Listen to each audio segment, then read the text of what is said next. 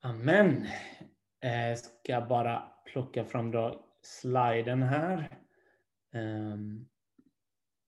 Så här lyder dagens text från Första krönikeboken 13. Där det står så här. David samlade alltså hela Israel, ända från Shihor i Egypten upp till Lebohammat, för att föra Guds ark från Kirjat Jarim. David och hela Israel begav sig till Bala, det vill säga bytte eh, Jarim ehm, i Juda för att föra tillbaka Herren Guds ark, han som tronar mellan keruberna och efter vilken arken hade fått sitt namn. David och hela Israel gladde sig av hela sin kraft inför Gud, med sång och med musik av lyror, harpor, tamburiner, cymbaler och trumpeter. Så lyder Herrens ord.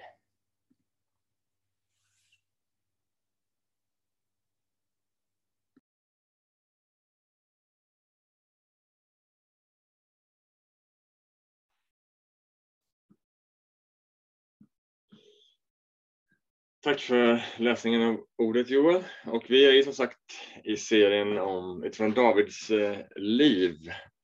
Och eh, det är passande idag när vi ska faktiskt, er som vill och har möjlighet, ska få lovsjunga tillsammans, att vi idag ska tala om David eh, som lovsångare. Och eh, David han var ju heden som blev kung. Han var den lille killen som blev hjälte när han övervann Goliat. Men är det något som vi förknippar med David, något som kännetecknar honom, så är det David med sin harpa. Men alltså, man, visst, det finns bilder när man liksom googlar på David så får man upp liksom porträtt när David slungar iväg stenen mot Goliat. Men lika vanligt är det en bild på David som sitter på en sten med sin harpa och sjunger lovsånger till Gud. Innan David var kung eller stridsman så var David en lovsångare. Han skrev 75, ungefär 75 av Bibelns psalmer. Och det bibliska grundordet för psalm det kommer från ett hebreiskt ord som betyder att spela harpa eller gitarr, kanske då översatt till vårt, vårt språk. Så innebörden av psalmer är alltså böner och texter om Gud och inför Gud som sjungs till musik. Ganska mycket vad vi skulle beskriva som lovsång. David var en lovsångare och en människa efter Guds hjärta. Och det där hänger ihop, därför att lovsång börjar i hjärtat. Ett hjärta riktat mot Gud. David han var inte en perfekt människa, men han levde sitt liv vänd emot Gud. Han riktade sitt hopp, sina drömmar, sin frustration, sin ilska, sin irritation, sin glädje, sin längtan och sin framtid mot Gud. Vi ser det här i Davids psalmer. Tittar vi på Davids psalmer så ser vi att lovsång är att rikta vårt hjärta mot Gud oavsett livets omständigheter. Och det finns en viktig sak här. Därför att ibland så är det som att vi liksom ska när vi ska ha lovsång så är det som att vi ska glömma vårt liv och gå in i någon annan dimension. Men det är inte vad vi ser i Davids liv. Lovsång är inte att vi förnekar vår frustration och våra problem genom att sjunga en klämkäck lovsång och förtränga livet. Lovsång är inte att lägga vårt liv åt sidan för att lovsjunga en stund. Lovsång är att komma med hela sitt liv. Lovsång involverar hela dig, your ups and downs and your everything. Och det är så tydligt i Davids psalmer. Äkta lovsång är att komma som vi är, med det vi bär, i det vi är, och i bön och sång utgjuta våra hjärtan inför Gud. Absolut, det kan innebära att vi släpper blicken från oss själva och våra problem för en stund. Och vi riktar in vår blick på Jesus. Absolut, det händer naturligt när vi lovsjunger, men det är en annan sak. Vi förnekar inte våra problem, vi tar dem med oss. Och vi kommer som vi är inför Gud. Och vi ber honom ta oss som vi är. Ta hela mig Gud. Så kastar vi våra bördor på honom och blickar in i hans storhet, in i hans godhet, in i hans kärlek. Och vi bara får omfamnas av hans varma famn. Det lär oss Davids salmer. Men faktum är, även om jag ska tala om lovsång idag, så ska vi inte stanna upp så mycket inför just Davids salmer idag, utan vi ska snarare se på lovsång ur ett bredare perspektiv, utifrån Davids liv och utifrån Davids ledarskap. En ledares ledarskap säger en hel del om vad en ledare värderar. Det reformer en ledare för ett land genomför säger ganska mycket om ledarens prioriteringar. Och flera av de reformer som David genomför i Israel som kung relaterar till lovsång och relaterar till platsen för Guds närvaro och härlighet.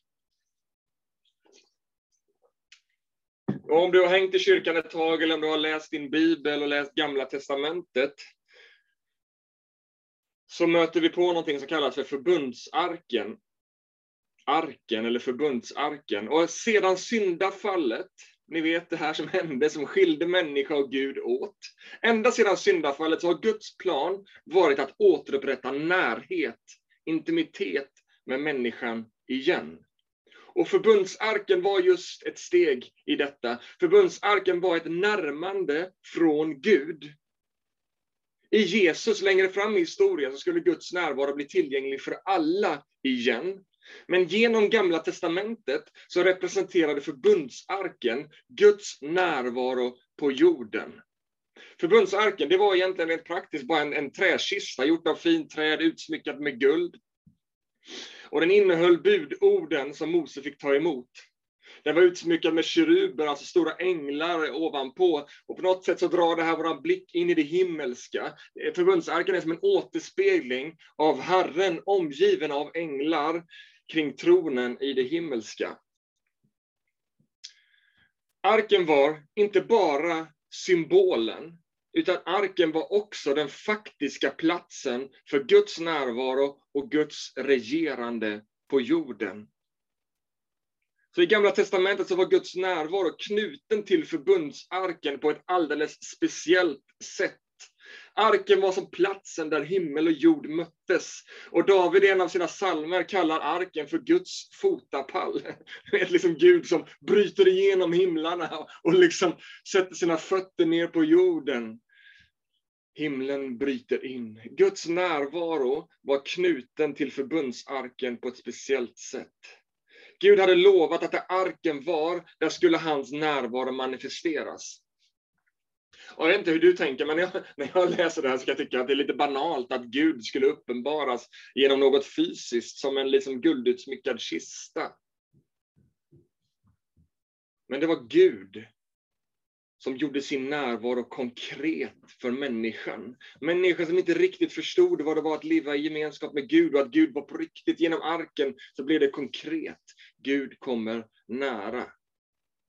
Faktum är att arken var det mest dyrbara som Israel ägde som folk. Arken gav dem en identitet som Guds folk. Ett folk bland vilka Gud regerar. Ett folk hos vilken Gud har kommit nära. Ett folk som är bärare av hans närvaro. Förbundsarken utvalde Israel som ett annorlunda folk. Ett folk där Gud är nära. Och arken eh, var också som en pekare fram emot den verkliga inkarnationen, att Gud skulle bli människa, och komma och bo ibland oss. Immanuel för en hel värld. Men när vi läser om David och den tiden som han levde i, så läser vi också om hur förbundsarken under Sauls ledarskap, ni vet Saul var ju han som var den första kungen i Israel, kung innan David. Under Sauls ledarskap så hade arken hamnat i skymundan. Ja, den hade till och med under krig med filisterna blivit stulen av filisterna. Och det är ett led i att människan ville ha en jordisk kung. Man hade liksom ersatt Gud som kung och man hade satt dit en mänsklig kung med mänskliga ambitioner. Och det var inte längre så att arken definierade folket. Folket hade sagt, Israel hade sagt, vi vill vara som de andra. Vi vill också ha en kung och definieras av andra premisser. Så arken var inte längre det som definierade Israel som folk. Och det är tragiskt hur det beskrivs, att det här var en strategi som ledde till nederlag för Israel och det ledde också till slut till Sauls död. Därför att mänsklig styrka skyddar oss inte mot livets fiender. Mänsklig styrka kan aldrig skydda oss mot livets fiender. När Saul har dött och David tillträtt som kung. Och när vi läser liksom storyn så ser vi att det här är en process som sker lite över tid, hur David blir kung över hela Israel. Men vad som händer när han blir kung i Israel, det är att han intar Jerusalem. Det är bland det första han gör. David intar Jerusalem. Och han gör Jerusalem till huvudstad i Israel. Och Jerusalem kallas också för just Davids stad. Jerusalem är platsen där utifrån vilken David regerar.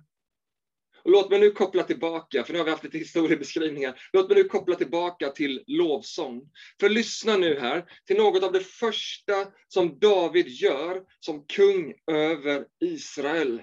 Vi vet att det första en regent gör, alltså man börjar ju inte med liksom det som är oviktigt, utan man börjar med det som, wow, det här är det viktigaste, jag måste få igenom det här på en gång. Det är något av det första som David gör, lyssna nu från första krönikboken kapitel 13, vers 2 och framåt. Om det är er önskan och Herrens önskan, vår Guds vilja, så låt oss meddela våra bröder i hela Israels land, även präster och leviter i deras städer och omgivningar. Låt dem inbjud, vi inbjuder dem att ansluta sig till oss. Och låt oss hämta tillbaka Guds ark hit till oss, för vi har försummat den under Sauls tid. De här verserna kanske inte verkar så märkvärdiga. Jakob, vad är det du har liksom byggt upp här nu? Vi förväntar oss något liksom riktigt coolt här. vad är det här för någonting? Men när vi börjar packa upp de här verserna, när vi bara ser innebörden av vad som sker i dessa få verser, så ser vi att här sker någonting helt fundamentalt för Israels folk.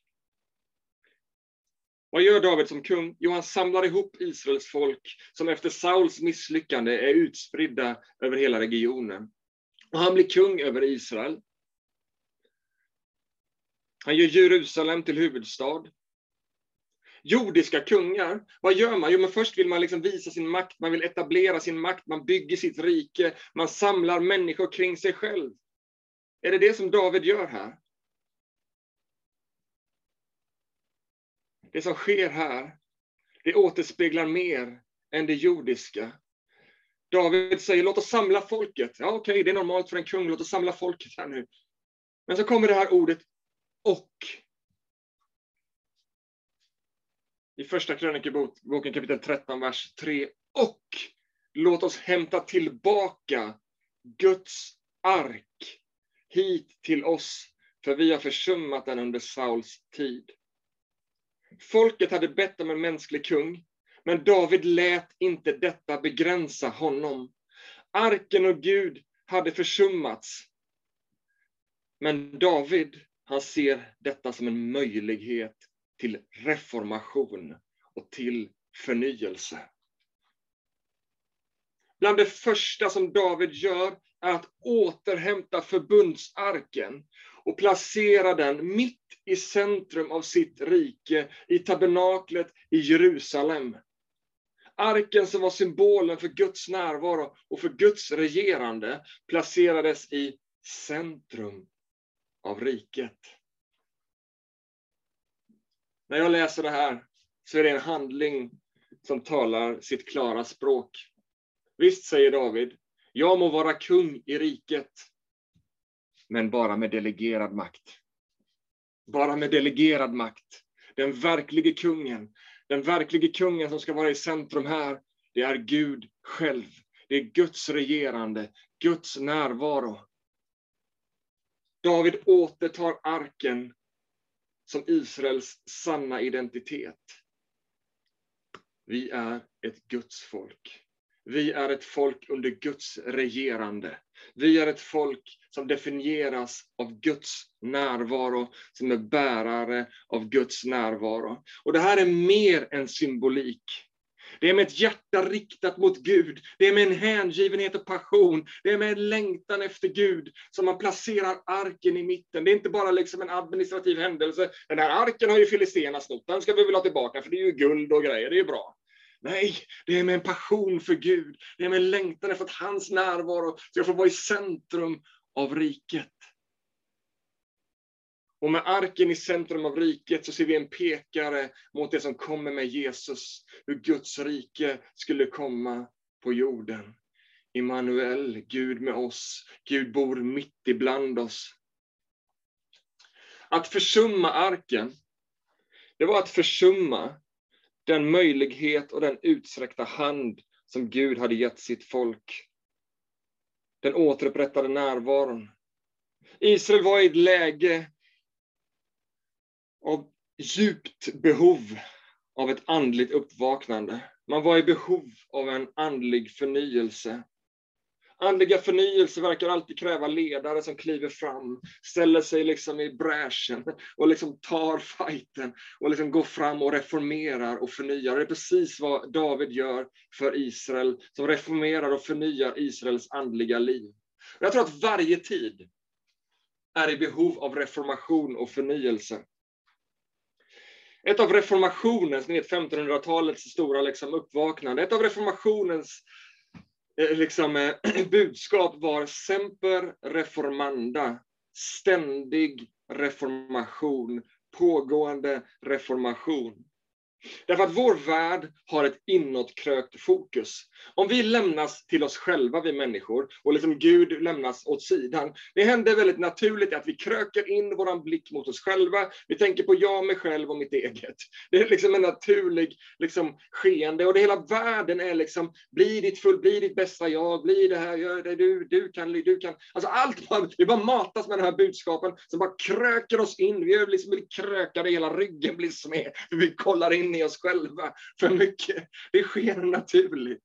Och vad är det då när vi är inkrökta i oss själva? Då behöver vi reformation, för vi har blivit deformerade. Så vi behöver reformeras igen. Vi behöver uppleva en andlig förnyelse. Vi har blivit centrum av oss själva. I vårt universum så är vi centrum. Vi vill ha det på vårt sätt. Och det sker också i vårt förhållande till Gud. Vi vill ha det på våra villkor. Vi vill ha Gud på våra villkor. Vi blir det centrum kring vilket allting snurrar, så också Gud. Gud blir en av de bollarna vi jonglerar. Vi ser det i den bibliska historien om Israel och vad som sker när människan tar Guds plats. Andlig reformation och förnyelse är att återigen sätta Gud i centrum. Att Gud får bli det centrum kring vilket våra liv snurrar snarare än tvärtom. Gud i centrum, Guds regerande, Guds närvaro. Och idag talar vi om lovsång, är tanken i varje fall. Lovsång sätter Gud i centrum. Lovsång erkänner Gud som vårt centrum. Reformation och lovsång riktar om vår tillbedjan. Gud får sin rätta plats. Andlig förnyelse föder lovsång. När vi får ett andligt uppvaknande så är det naturligt att tillbe. Men det är också så att lovsång och tillbedjan föder andlig förnyelse. Så det finns liksom, lovsång är så centralt, både liksom i att det är en naturlig respons när vi har fått möta Gud, men det är också liksom någonting som, som, som, som eh, föder andlig förnyelse, som föder Guds möten.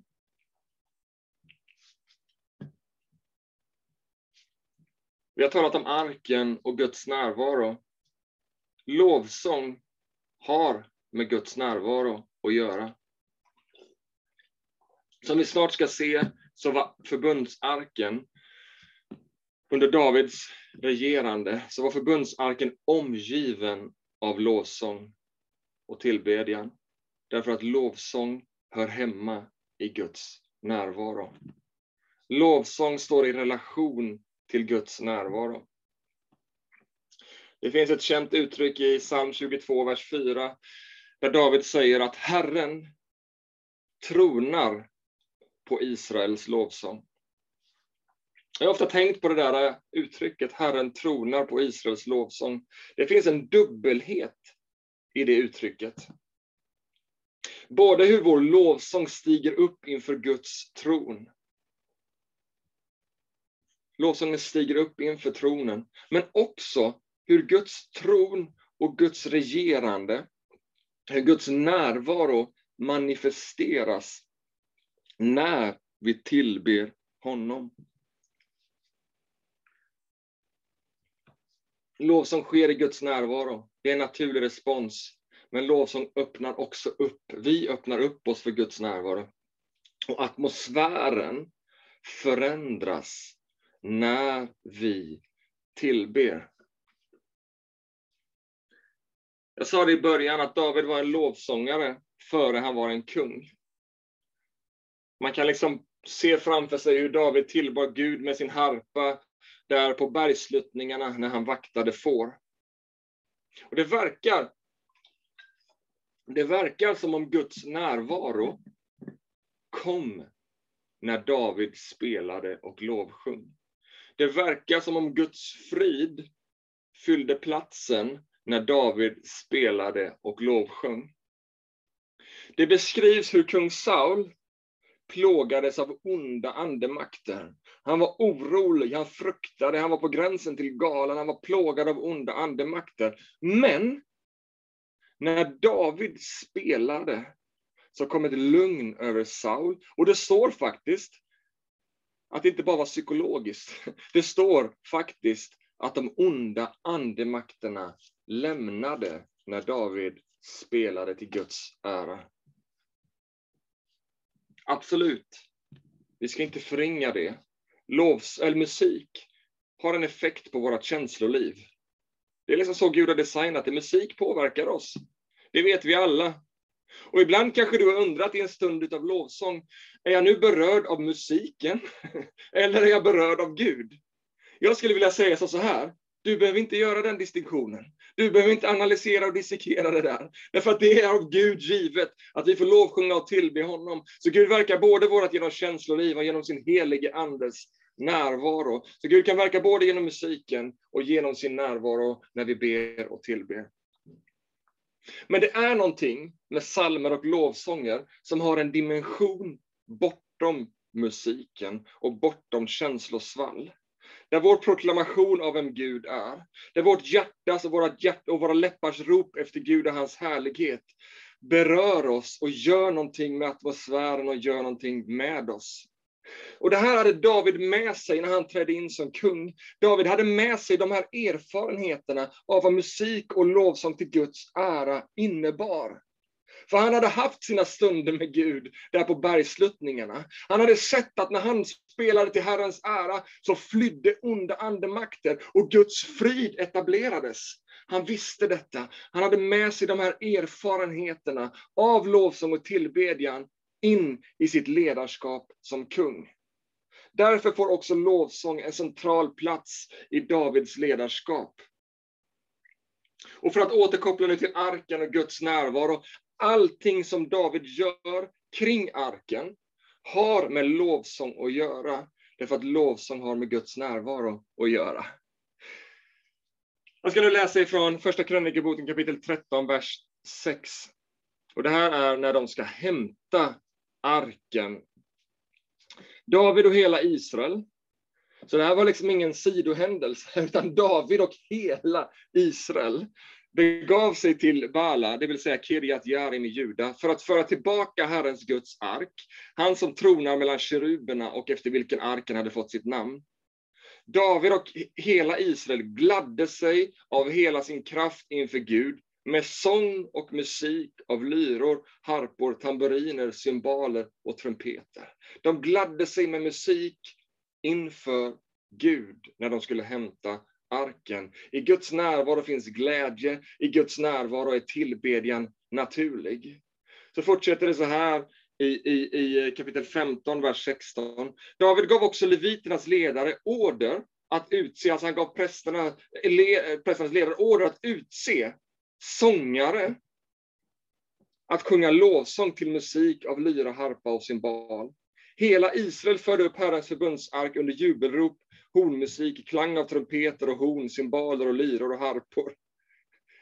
David utsåg lovsångare att sjunga lovsång till Gud. Tillbedjan hör hemma inför arken. Tillbedjan hör hemma inför Gud. Och när vi fortsätter att läsa, när de hämtar arken och kommer med arken där in i Jerusalem, så står det att David dansade och lovsjöng inför Gud när de kom där med arken. De lovsjöng och dansade och David han var liksom i spetsen och dansade till Herrens ära. Och då så står Mikals hustru och ser, liksom, eh, Mikael, jag säger Davids ena hustru Mikael, hans fru, tittar på David, vad är det du håller på med? Och det står att Mikael fraktade David för att han betedde sig dåraktigt, för att han gjorde sig till åtlöje och tillbad Gud så hängivet. Och jag älskar Davids respons till Mikael. Inför Herren dansade jag och gladde mig. Och vet du vad Mikael? Jag ska bli ännu ringare än detta och förnedrad i egna ögon. Vad är det han säger? Ja, om det är inför Gud jag ska dansa och lovsjunga, då ska jag förnedra mig än mer. Då ska jag bli än ringare, jag ska bli än tokigare, därför att jag ska aldrig sluta lovsjunga Gud. Davids hjärta var vänt mot Gud, och han brydde sig mer om Guds härlighet än om människors åsikter. Han satte inte sig själv på tronen, han satte Gud på tronen, han som tronar på Israels lovsånger. Jag ska inte hålla på jättelänge till, men det finns några fler centrala saker som jag vill lyfta fram. Och nästa punkt kallar jag för reform, lovsång. Därför att som ledare, som jag redan har sagt, så genomför man reformer. Tillträder man som ledare för ett land, så genomför man reformer, viktiga förändringar för landets bästa. Vi känner igen skattereformer, vi känner igen skolreformer, vi känner igen sjukvårdsreformer och alla möjliga reformer. Men David, som var en man efter Guds hjärta, han genomförde en helt unik reform. Därför att David visste vad som var viktigast för landet och för deras identitet som Guds folk. Han genomförde reform, lovsång. Arken inte bara hämtades under lovsång och jubel som vi precis har läst. Arken omgavs av lovsång och jubel hela tiden. Därför att lovsång och Guds närvaro verkar hänga tätt tillsammans. Likt lovsången pågår inför tronen i det himmelska, så stiger lovsången också upp ifrån Guds folk på jorden. Och det står så här om dagen då arken kom till Jerusalem i kapitel 16, första krönikeboken. Den dagen uppdrog David för första gången Asaf och hans bröder att lovsjunga Herren. Ni ska prisa Herren och åkalla honom, gör hans verk kända för alla folk och sjung och spela till hans ära och berätta om alla hans under. Lovprisa hans heliga namn och låt dem som söker Herren få en innerlig glädje. Vänd er till Herren och till hans kraft. Sök honom ständigt. Majestät och prakt omger honom. Kraft och glädje finns i hans boning. Ge Herren ära, alla folkslag. Erkänn hans majestät och kraft. Ge Herrens höga namn ära och kom med era offer till honom. Tillbe Herren i helig skrud. Och när vi läser de här kapitlen så ser vi hur David anställer lovsångare att tillbe i Guds närvaro. Vi förstår utifrån texten att ständigt var det musik och lovsång framför Guds förbundsark. Därför att lovsången i landet ska inte tystna. Guds närvaro i centrum av nationen och där pågick ständig lovsång år efter år. Lovsången hade, och tillbedjan hade en central plats i Davids rike. Varför? Jo, därför att Herren tronar på Israels lovsång. Och vi läser längre fram i kapitel 23 i Första krönikeboken att när det är dags för att bygga templet, då utser David 4 000 lovsångare att lovsjunga i skift till Herrens ära. Vår tids kristenhet beskrivs ibland som en lovsångskultur. Och man kan liksom tycka det är bra eller dåligt. Vad man kan säga om vi är en lovsångskultur så är vi i gott sällskap. Lovsång inför Herren som pågick i centrum av riket, i Jerusalem, mitten, så tillbads Herren kontinuerligt. Vad är en naturlig respons på Guds närvaro? Ja, för David så kom det naturligt att dansa och lovsjunga inför Gud. David tog med sig sin erfarenhet som lovsångare in i sitt ledarskap som kung. Han visste att Gud verkade när han tillbad. Frid kom, Guds närvaro kom, Guds kraft som satte människor fria. Med arken och lovsången i centrum så satte, så satte David Guds närvaro i centrum av riket. Och det här är mer än en känsla. Det är en troshandling ifrån David. Att sätta arken i centrum av riket. Han gjorde det i tron att det kommer gå väl för riket om Gud är i centrum. Det var en troshandling för David. Du och jag, vi är inte längre begränsade av en förbundsark, eller en tabernakel eller ett tempel. Vi har templet i oss, Guds närvaro i oss. Och lyssna nu, det här med att, att ha Guds närvaro i sig och att lovsjunga, det är mer än en känsla. Det är en troshandling. Att erkänna att jag har Gud i mig, det är en handling av tro. Att erkänna att om jag har Gud i mig, så kommer det gå väl för mig. Om jag har Gud i mig så kommer Gud välsigna mig och min familj. Om jag ger Gud den platsen han förtjänar och jag tillber honom och låter lovsång få stiga i mitt liv så att Herren får trona på min lovsång. Så verkar Gud med frid och frihet. Att leva liv centrerade kring Gud, det börjar med att vi erkänner oss som Guds tempel, som Andens tempel. Att vi erkänner Gud i oss Både dagar när det känns så och dagar när det inte känns så. Så erkänner vi, det är piss, det suger, det är vad David sa i sina salmer. Det är, ah, mina fiender är över mig. Men jag riktar min blick. Varifrån ska min hjälp komma? Jag riktar min blick till Herren. Så även dagar när det känns som det rasar samman, låt oss rikta vår blick mot honom, varifrån all hjälp kommer.